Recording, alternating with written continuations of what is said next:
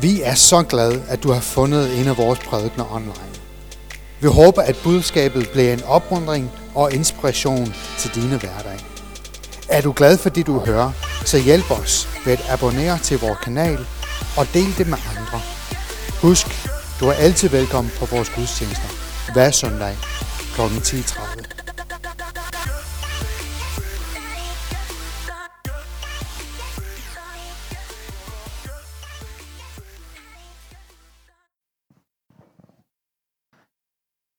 dag alle sammen. God formiddag. Dejligt at se jer igen. Jeg føler, at det har været nogle måneder, hvor mange måneder, hvor jeg nærmest ikke har været i kirke. Og senest fordi jeg altså har været i Australien og, og New Zealand. Jeg havde mulighed for at øh, besøge den kirke, som jeg føler lidt er min i øh, Brisbane i, i Australien en enkelt søndag. Og de er faktisk også i en proces, hvor de er øh, ved at finde en øh, ny præst. Så jeg har aftalt med deres øh, menighedsrådsformand, at vi beder for hinanden i den proces. og øh, i New Zealand havde jeg ikke mulighed, sådan som mit arbejdsprogram var, for at gå i kirke, men jeg jeg sov i en kirke. Jeg sov i en tidligere kirke. Vi havde lejet et, øh, et Airbnb, som simpelthen var en gammel kirke. Så jeg sov på alderet, hvis vi forestiller os, og det var sådan cirka halvdelen af den her størrelse. Og så havde de puttet en væg op imellem, sådan så der var to soveværelser. Og jeg havde pladsen op på alderet ind i det ene værelse. Der sov man ganske udmærket. Øhm, men jeg har glædet mig til at komme hjem. Og øh, jeg har... Øh, jeg lyttede lidt til, hvad Carrie sagde. Det her tema, som vi er i gang i, der handler om Gud og jeg. Og som er nogle lidt sådan personlige øh, øh, tilgange til, hvordan er det med Gud og mig? Hvordan lever jeg det her liv? Øh, og graver dybere, som vores års tema er, øh, sammen med Gud. I mit liv med Gud. Og der var mange af de ting, som Carrie øh, sagde, hvor jeg tænkte, ja, det kunne jeg også godt have sagt.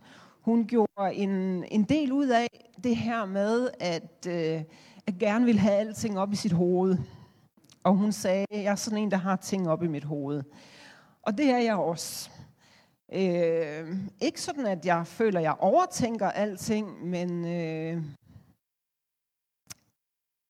det betyder noget, alligevel meget for mig, det der med at kunne kunne have ting i mit hoved, kunne øh, finde fornuftige ting og så videre, så skal man måske ikke være kristen, det ved jeg ikke. Så, øh, så lige når det kommer til min Guds relation, ja, så betyder det noget for mig, at ting ikke er alt, alt, alt, alt for mærkeligt på en eller anden måde. Og alligevel så er, så er livet med Gud jo mærkeligt i sig selv, ikke? det er som intet andet. Så, øh, så jeg tror godt, at jeg kan genkende til det, Carrie sagde for nogle uger siden om, at det handler om hjertet. Det handler om, at vores tro også skal bo i hjertet. Øhm, jeg har ikke en masse skriftsteder med i dag. Jeg vil sige lidt om vores grav dybere skriftsted for i år til sidst. Og ellers så vil jeg egentlig øh, tillade mig at bruge lidt tid på at, at fortælle lidt om, hvordan jeg lever med Gud i min hverdag. Jeg tror, jeg vil... Nu kan jeg ikke sige længere, jeg vil starte med. Jeg havde tænkt, jeg skulle sige, jeg vil starte med. Et, øh, et citat, som jeg faktisk har sagt herfra mange gange. Det er en tidligere musiker og forfatter, der hedder Peter Bastian, der mødte Gud ret sent i sit liv, efter at have levet et liv, hvor øh, Gud absolut ikke var en del af det. Der var alt muligt anden spiritualitet, men da han så møder Gud, og det går op for ham, hvem Gud er, så øh, skriver han blandt andet en bog og gør alt muligt andet også. Øh, men den, jeg tror faktisk, at den ene bog hedder det her, øh, jeg vil sige, og det er, allerede, altid allerede elsket. Så det er der, vores relation starter med Gud. Altid, uanset hvad, så er jeg allerede elsket af Gud. Jeg kan ikke komme før Gud og sige, jeg elsker dig, elsker du mig? For han elsker mig allerede, og han har altid gjort det. Og det synes jeg er et fantastisk udgangspunkt at have i en relation med en anden. Det er måske lidt mærkeligt at sige en anden person, men så et andet væsen, eller i det her tilfælde Gud. Jeg ved ikke rigtig, hvordan jeg skal omtale Gud. Øhm, og så øh, har jeg også tænkt meget over, hvad kan man sammenligne det her med at have et forhold til Gud? Jeg har en, øh, en kollega, som, som af og til spørger ind til min tro. Og faktisk er lidt misundelig, giver hun udtryk for, at jeg har en relation til Gud. Det har ikke hjulpet. Jeg har sagt, at det kan hun også få. men, øh, men det har været, eller det er godt at skulle prøve at sætte ord på det faktisk nogle gange. Og noget af det, jeg har skrevet her på min skærm, det er, relationen til Gud, det er som intet andet. Det er helt sig selv, når vi snakker om relationer. Og alligevel så er der jo nogle forskellige øh, sammenligninger i Bibelen, og vi har også set, øh, hørt måske sammenligninger i prædikner, eller har måske selv tænkt på nogle sammenligninger. Og nogle af de ting, jeg har skrevet ned, er øh, forældre-barn-relationen. Vi hører om, at Gud er vores far. Øh, og jeg tror, i, i sit udgangspunkt, så ønskede Gud, at forældre-barn-relationen skulle være sådan, som hans relation er med os. Problemet er bare syndefaldet. Så jeg kan egentlig godt tænke tilbage på min barndom og sige, ja, det er en dejlig relation, jeg har haft med min mor og far. Øhm, og den er garanteret. Den var garanteret, skal jeg sige, fordi det er mange øh, mange, jeg ved, det er mange år siden, jeg har mistet mine forældre. Øh, langt hen ad vejen, som min og Guds relation var. Den her betingelsesløse kærlighed, og at de elskede mig først, og gav mig kærlighed, og lærte mig at elske. Men på den anden side, så ved jeg godt, at der er mange, der ikke har haft sådan en relation til deres forældre. Netop fordi, at vi er utrolig uperfekte som mennesker. Og derfor er det på nogle punkter en dårlig sammenligning. Så er der venskaber. Og venskaber er skønne, og jeg er sikker på, at, øh, at de giver mig en velsignelse til os alle sammen. Men der er den der gensidighed, at øh, den ene elskede ikke altid allerede mig først, og så blev jeg koblet på. Der bliver forventet noget begge veje. Og det samme er også sådan med ægteskabet. Og, øh, og det er måske endda endnu mere råt for usøde den venskaber. Fordi der finder vi også på at sige vores mening måske på en helt anden måde, end vi nogle gange gør i vores venskaber. Eller også er det måske bare mig, der er meget pæn i mine venskaber, og måske knap så pænt i mit ægteskab altid. Øhm, og alligevel er der nogle ting. Vi kan høre historien om brudjomfruerne, og vi kan også høre den her sammenligning i Bibelen om, at Jesus er brudgommen, og vi er hans brud, og vi skal være klar til at indgå det her ægteskab med ham. Så er der måske også noget, sådan noget mester, herre, og en, der står under. Øhm, og det er måske også sandt et stykke hen ad vejen, når det kommer til vores relation til Gud, at han er min herre. Men jeg er ikke sikker på, at han nødvendigvis ser mig, ser os som hverken en slave eller en undersåt, fordi vi er skabt i hans billede. Vi er lavet ud fra ham. Øhm, så det er som intet andet, når vi snakker om vores relation med Gud. Jeg har prøvet at tænke lidt over, og det er selvfølgelig også nogle af de ting, jeg deler med den her kollega, som så nogle gange spørger mig om, hvordan er man kristen? Hvordan beder man? Og sådan nogle, sådan nogle spørgsmål. Øh, og jeg har prøvet at skrive, skrive nogle ting ned, som, som jeg tænker, ja, det er i hvert fald en del af min relation med Gud. Men jeg tror, jeg er ikke sikker på, at jeg har fanget det hele. Bare når jeg øh, sad hernede under lovsangen, eller stod hernede under lovsangen og bøn og så videre, kom, kom jeg i tanke om alle mulige andre ting, jeg også kunne have skrevet. Fordi, og sådan er det jo også med ægteskaber og venskaber og forældreskaber og så videre, der er mange ting i de relationer, der skaber, at vi har et fællesskab, og at vi er noget sammen. Men nogle enkelte punkter, og overordnet set, så tror jeg, det handler om at være sammen. Eller i hvert fald at leve sammen, at vandre sammen. Og det der med at være sammen, det er så lidt, lidt anderledes. Og ikke som noget andet heller, når vi snakker om en relation med Gud, frem for en relation med et fysisk øh, menneske. Så jeg har øh, startet med at skrive, at der er en eller anden form for væren. En overgivelse. Og den overgivelse tænker jeg egentlig, jeg tror da jeg skrev den ned den anden dag, så tænkte jeg mest på min overgivelse til Gud. At jeg indviger mig til Gud. Men når jeg står her, så tænker jeg egentlig også på, jamen Gud han overgiver sig jo også til mig. Han har givet alt til mig. Han vil dele alt med mig. Men i den her væren, den her overgivelse fra min side, så handler det om, at jeg kommer tilbage til Gud igen og igen og igen og igen. Og det kan være en gang imellem, fordi det er mange dage siden, jeg har haft det møde med Gud, og andre gange, så er det en, en overgivelse, der sker flere gange om dagen. Øhm, og jeg skal nok sige lidt mere om, hvordan jeg nogle gange gør det i hvert fald.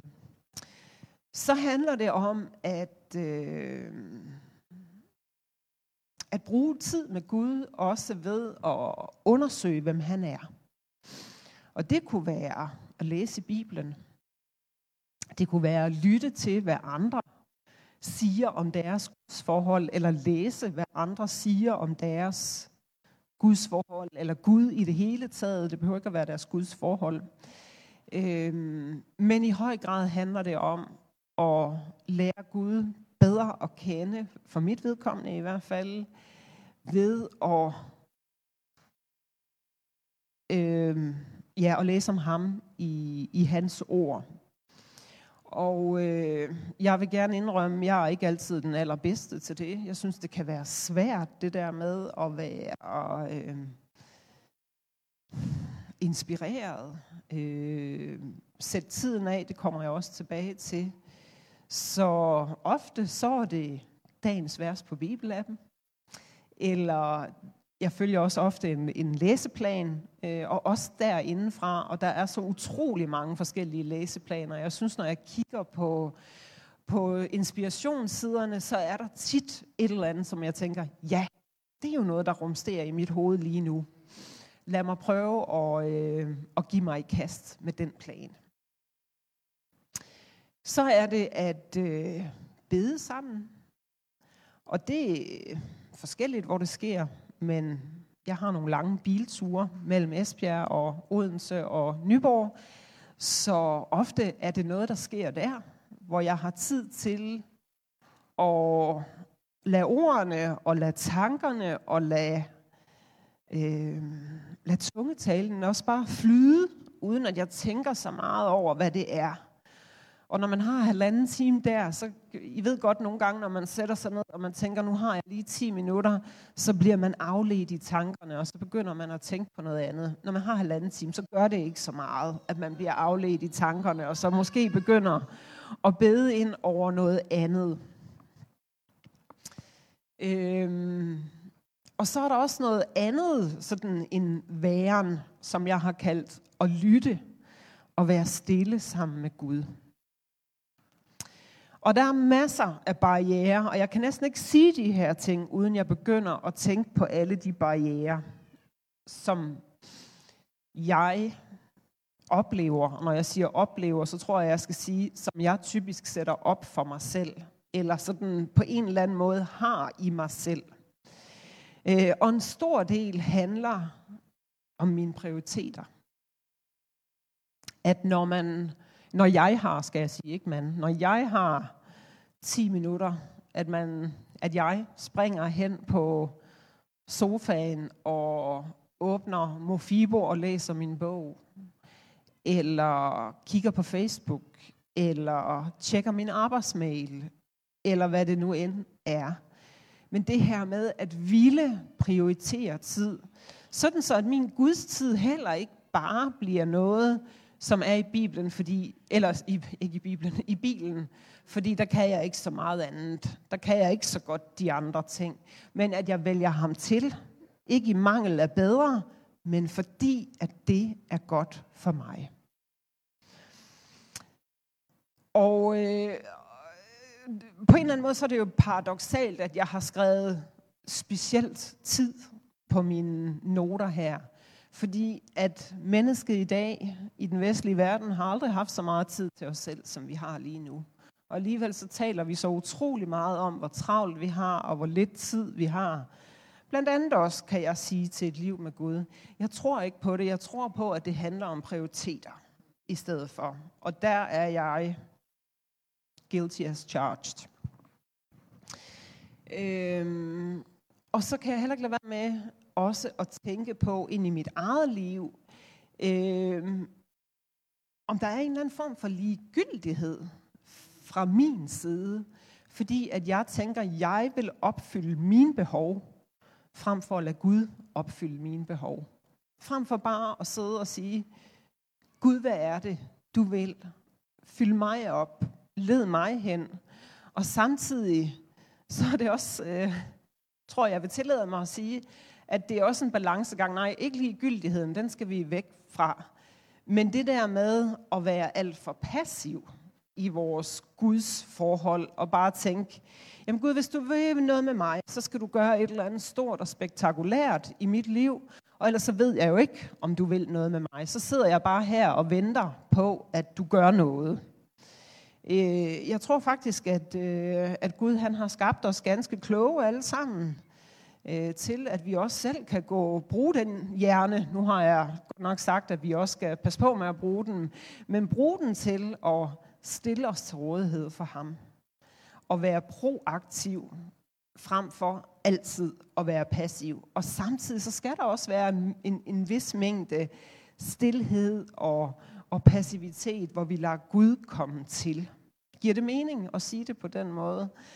Øh, og så har jeg også skrevet her, at en barriere, det er også bare sådan livets støj generelt. Der er utrolig meget støj, synes jeg, i vores verden, ikke? Altså, øh, hvor vi virkelig bare øh, øh, tager alt muligt ind, som der er fuldstændig ligegyldigt. Øh, og det handler jo ikke om, at vi ikke gerne må øh, se en god film, eller læse en dejlig bog, eller være sammen med vores venner, eller noget som helst. Men hold da op, hvor bruger jeg meget tid på alt muligt støj. Men det gør I selvfølgelig ikke, vel? Godt. Godt. Og for at vende tilbage til, jamen hvad gør jeg så? Øh, I den her sådan væren med Gud, så, øh, så, så talte jeg om overgivelse.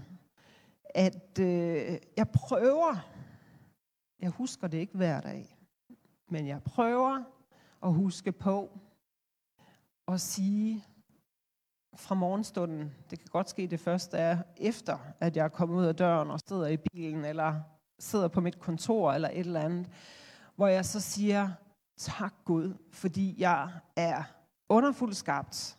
Tak for, at du har givet mig en ny dag med nye muligheder.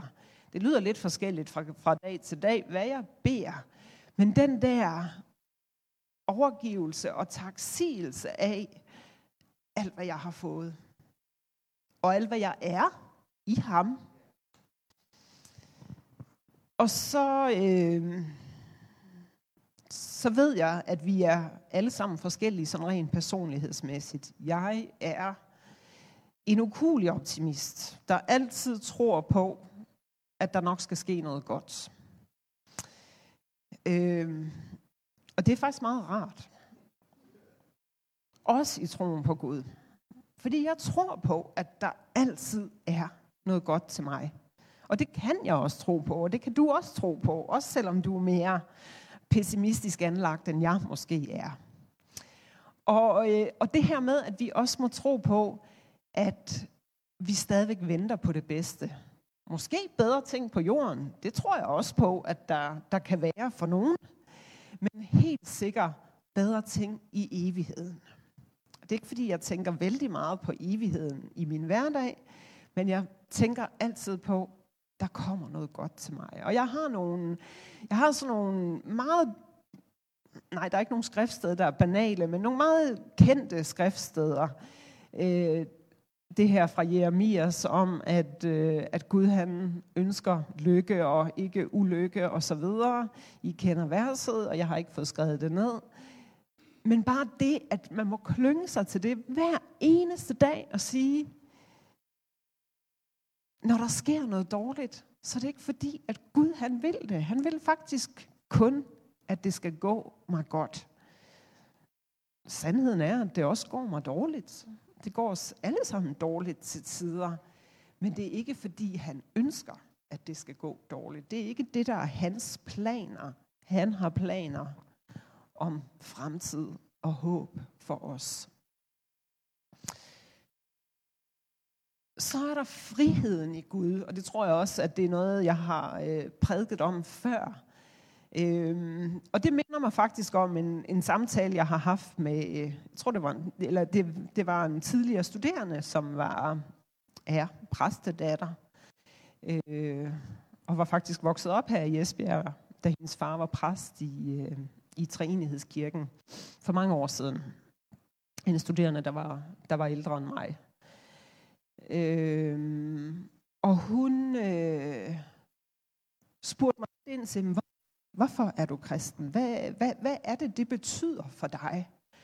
Øhm, hvor jeg kan huske noget af det, jeg har snakket med hende om, eller svaret hende på det tidspunkt, det er det her med at forsøge at beskrive, fordi jeg er fri. Jeg er ikke fri for alt muligt. Jeg har stadigvæk øh, terminer og deadlines og et øh, job, jeg skal passe og alle mulige forpligtelser osv. Men jeg er fri. Jeg er fri til at være Guds skabning. Jeg er fri til at leve det liv, han har tænkt for mig. Jeg er fri til alt muligt. Og det kan også komme til at lyde til, jamen så er jeg også bare fri til at sønde løs og så videre. Det håber jeg, at det ikke er sådan, I hører, jeg siger. Det er det ikke. Men jeg føler mig grundlæggende fri. Øhm. Og så en af de ting, jeg også knytter mig, eller klynger mig til sådan i, i min hverdag med Gud, det er en masse velsignelser, som jeg hele tiden oplever i dagligdagen. Små og store glemt. Jeg er sikker på, at der er masser af, af store ting, vi kan sige tak for, men også at huske at se de små bitte ting. Det var det har været dejligt den sidste uge. Selvom det måske er klimaskabte vejrændringer, så er det da dejligt her hen i september at have skønt vejr det er dejligt at starte op med et nyt hold studerende, der bare er mega motiveret. Det var skønt at sidde og drikke hvidvin sammen med min svoger og svigerinde nede ved havnebadet i går. Det var også dejligt at bade. Lidt koldt, men, men også en velsignelse. Og alt muligt andet. Det var dejligt, da Lars kom hjem i går aften, så han havde haft en mega god dag med sine gode venner på Faneø. Så masser af små velsignelser i hverdagen. Tit så handler det om, at jeg kigger ud af vinduet, når jeg er i sommerhuset og ser en ny udsigt. Selvom det er det samme vindue, jeg kigger ud af. Men Gud, han maler et nyt billede hver eneste dag, jeg kigger ud. Nogle gange er det pænere end andre øhm, og så det her med, at,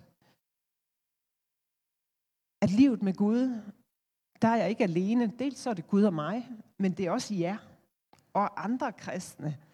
At det er også øh, for mig, undskyld, nu bliver jeg helt rørt, men det er også et fællesskab for mig, at, øh, undskyld, at når jeg tænker på mit liv med Gud, så er der så mange andre mennesker i det, som jeg får lov til at blive inspireret af. Og jeg håber også, at jeg får lov til at inspirere nogen. Fordi at jeg tror ikke, at vi skal. Jeg tror heller ikke, vi kan kun leve alene med Gud. Jeg tror, at det er meningen, vi skal gøre det sammen med andre. Fordi at vi kan vokse ved, at vi kigger på hinanden, og ved at vi lærer af hinanden. Og på den måde måske også ser nogle nye sider af Gud. Fordi det vil jeg aldrig have oplevet selv, men når en af jer fortæller, hvordan I lever med Gud, så tænker jeg, nå, kan man også det? Det har jeg også lyst til at prøve. Jeg kunne have skrevet mange andre ting på det her slide. Øhm, en af de ting, som jeg glemte at skrive, men som jeg tror, jeg vil, øh, jeg vil sige nu alligevel her, det er ærligheden med Gud. Øhm, Gud han kan godt tåle, at vi raser og er sure. Det er ikke så tit, jeg er det faktisk. Øhm, jeg tænker på en bønnebog, der står hjemme på min, øh, min hylde, der hedder Citroner til vor Herre. Det er en masse sure bønder, som teolog Simon Grotian har skrevet til Gud i en periode, hvor han har været vred på Gud. Og nogle gange, når jeg taler med mennesker, så lyder det som om, at der er nogle mennesker, der ikke er klar over, at det må vi faktisk godt være. Gud, han kan rumme de følelser, fordi han har skabt os som de mennesker, vi er. Så vær ærlig med Gud, når der er noget, du er vred på, eller ked af, eller hvad som helst. Ja, uanset hvilke nogle følelser, så, øh, så kan han godt rumme det. Noget af det, jeg også har, har tænkt på øh, i forbindelse med at skulle forberede den her prædiken, det er, at øh, Gud han er, og mit forhold til Gud er som intet andet. Men det bliver jo ikke mindre kompliceret af, øh, hvem som Gud er. En treenig Gud. Så det fik mig til at tænke på, har jeg forskellige forhold til den treenige Gud? Og det har jeg måske. Jeg vil gerne indrømme, det er ikke noget, jeg havde tænkt på, før at jeg havde funderet over den her prædiken. Men øh, hvis jeg ser på Gud far, jeg beder, jeg beder utrolig meget til faren. Jeg siger tit, far, bla bla bla bla bla, far, Gud far. Men meget tit far. Øhm, og det er også i Gud, faren, jeg føler mig tryg, elsket, underfuldt skabt. Og som sagt, jeg har et godt far, faderbillede fra min egen far, så jeg ved godt, det gør det lettere. Øh, og så er der selvfølgelig også det, i Gud faderen, der er der også helligheden. Og det synes jeg kan være svært. Vi har sunget flere sange i dag, hvor vi, hvor vi priser Gud for hans hellighed, og vi nævner det her med, at han er hellig. Øh, og personligt synes jeg måske, det er noget af det, der er, er svært. Øh, og jeg ved heller ikke, hvor meget vi skal håndtere det. Fordi vi jo har Guds søn og får lov til at komme ind til det helligste sammen med ham. Og den adgang er banet for os. Så er der Guds søn, Jesus. Jesus han er mit idol. Jeg er en stor fan af Jesus. Jeg ser op til Jesus, fordi han altid handlede så klogt. Han var modig, han var fræk, han var en rebel, og i mange situationer, så tænker jeg, hvad vil Jesus have gjort her? Altså, det var ikke uden grund, den der movement i USA, what would Jesus do? Jeg synes, det var fantastisk. Det er jo et fantastisk mantra at tage med sig. Og nu er der endda et program på DR, der hedder Jesus gør. Hedder det ikke noget i den stil? Man kan skrive til øh, jesusnabelag.dr.dk og stille et spørgsmål, og så er det nogle præster, og det er noget værvrøvl, de siger nogle gange, men det er meget interessant. Øh, men jeg tænker, når det ender på national radio i øh, et af verdens mest sekulariserede samfund, så er der jo noget om sagen, at Jesus, han har et svar på alt. Og det får vi lov til. Det får jeg lov til at søge. Og det gør jeg virkelig i min hverdag. Altså, han, han lavede de vildeste ting. Og det er fedt at blive inspireret af, synes jeg. Så er der Gud Helligånden. Og øh, det er for mig nok det mest mærkelige ved livet med Gud. Nok fordi det er mest længst væk fra, øh, fra menneskelivet. Øh, men jeg finder stor trøst og opmundring, og måske også nogle superkræfter i, at Guds ånd er i mig. Jeg talte om før øh, den her væren med Gud. Og måske er der meget, altså måske er det meget her, Helligånden kommer ind i mit liv med Gud, at jeg bare er der sammen med ham. Jeg har også tænkt meget på det her med, at, at få lov til at, at, at leve i den her, det synes jeg, jeg gør, en følelse af, at Gud han er i mig, omkring mig. Og på en eller anden måde, så er det sådan en slags fælles åndedræt. Jeg får lov til at have en vejrtrækning, der er synkroniseret med Guds, fordi jeg har Guds ånd i mig. Det lyder måske mærkeligt, men på en eller anden måde, så er det faktisk ikke særlig mærkeligt. Det er i hvert fald sådan, jeg har det. Jeg vandrer med Gud hele tiden, fordi jeg har en følelse af, at Guds ånd er i mig. Og at, ja, Gud altid er med mig. Øh, og så vil jeg slutte af med at sige, at jeg har måske ikke altid en følelse af, at Gud er der. Men jeg har i hvert fald en tro på, at at han er. Så det der med, at jeg har ikke altid en følelse af det, men jeg har en tro på det. Fordi der tror jeg også nogle gange, at vi som mennesker farer vild. Vi skal mærke noget hele tiden. Vi skal mærke Gud, og vi skal have store tegn og under og så videre. Det er også lækkert, når man får det. Det er slet ikke det. Øh, men langt hen ad vejen, så er det sådan, som der står skrevet her i det her vers, som er vores i år, fra 2. kongebog 3, 16-17.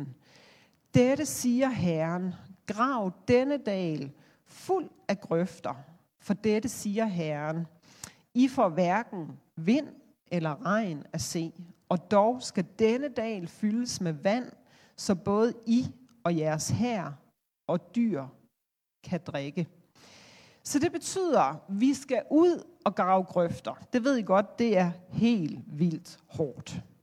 Tit også de steder, hvor vi graver grøfter, det er dårlig jord. I hvert fald nogle steder. Øhm, så det er hårdt arbejde. Det er måske tungt lerjord, eller sandjord, der skrider sammen, eller ufrugtbar, fyldt af rødder og alt muligt skidt og skrammel. Og så står der, og I får hverken vind eller regn at se. Vi kommer ikke til at se store mirakler, men den her dal skal være fyldt med vand. Vores liv skal også være fyldt med vand. Og jeg forestiller mig, når jeg har læst det her vers utallige gange i år, at det pipler lige så stille op nedefra. Men vi skal være klar. Vi skal have grøfterne, fordi ellers så kan vi ikke bruge det her vand, der pipler op. Og det bliver ikke det der spektakulære, vi typisk ser, men bare en stille piplen frem. Så hvis jeg lige skal samle op, så øh, handler min relation med Gud om en daglig overgivelse. Jeg vil gerne indrømme, det er måske ikke dagligt, det er nok lidt overdrevet at sige. En ofte en overgivelse. Og så vil jeg også sige, det er en viljesbeslutning. Og det synes jeg også, det her vers, det viser. Jeg ved ikke, hvordan jer, der er gift, øh, det er godt, man siger ja i kirken, og man lover noget. Fordi det tror jeg virkelig er med til at holde mange ægteskaber sammen.